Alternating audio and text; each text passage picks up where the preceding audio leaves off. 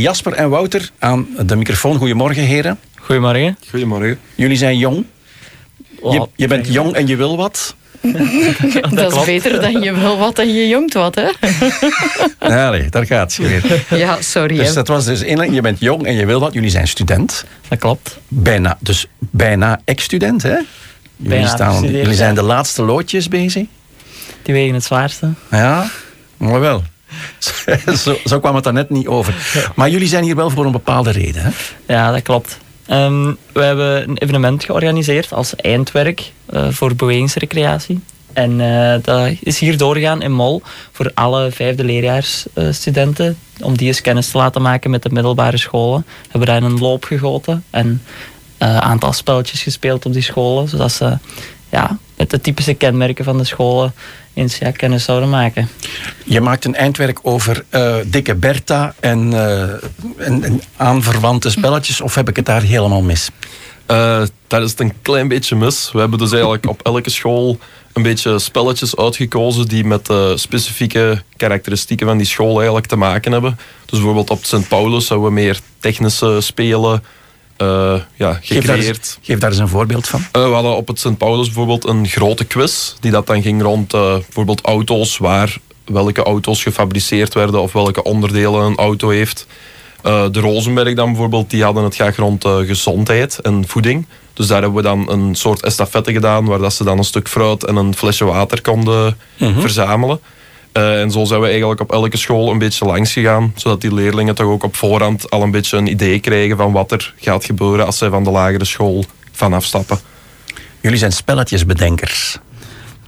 Ongeveer, hè. Het, maakt, eh, het ligt eh, ja, binnen, binnen hetgeen wat wij studeren.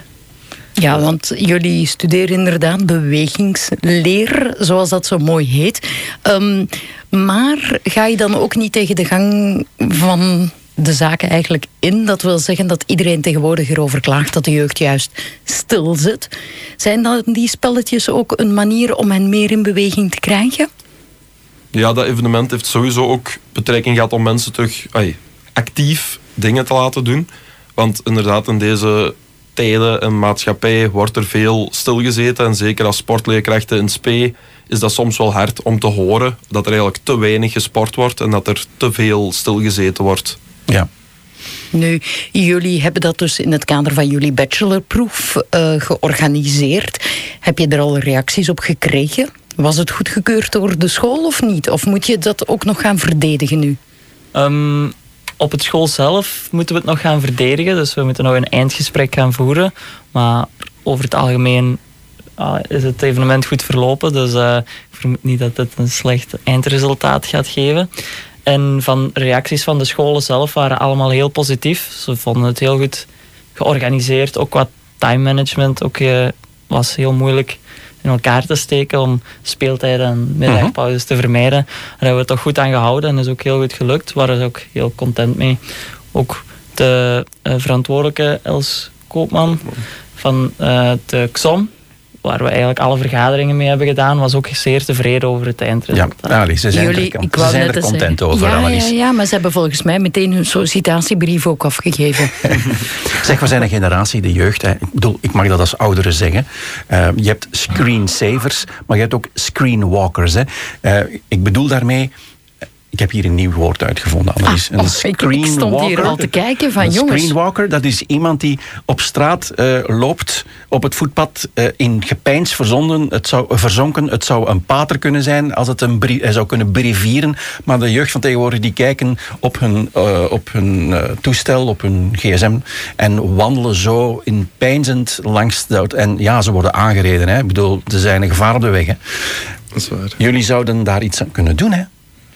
Jullie zouden een nieuwe beweging kunnen oprichten van stik dat ding weg, doe er iets mee, maar kijk terug naar de wereld, hè, want je leven passeert aan je voorbij op een scherm. Hè. Wordt Dat dat eh, jouw uitdaging voor hen om te doen?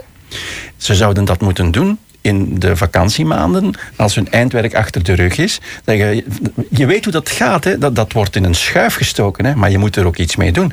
Je zou bijvoorbeeld in plaats van de scholen ook de, de jeugd kunnen proberen te motiveren om bijvoorbeeld tijdens een week eh, in Mol, hè, op een speelplein, of een variant daarop, daar iets mee te kunnen doen. Hè?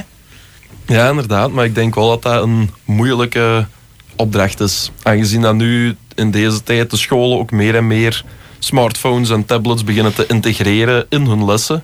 Ja. Om die lessen beter te maken. Maar dan wordt er eigenlijk nog meer gebruik gemaakt van ja, screenwalkers, zoals u Ja. het eh, zegt. Hartelijk dank dat jullie dat even wilden komen toelichten. Bedankt dat wij hier mochten zijn.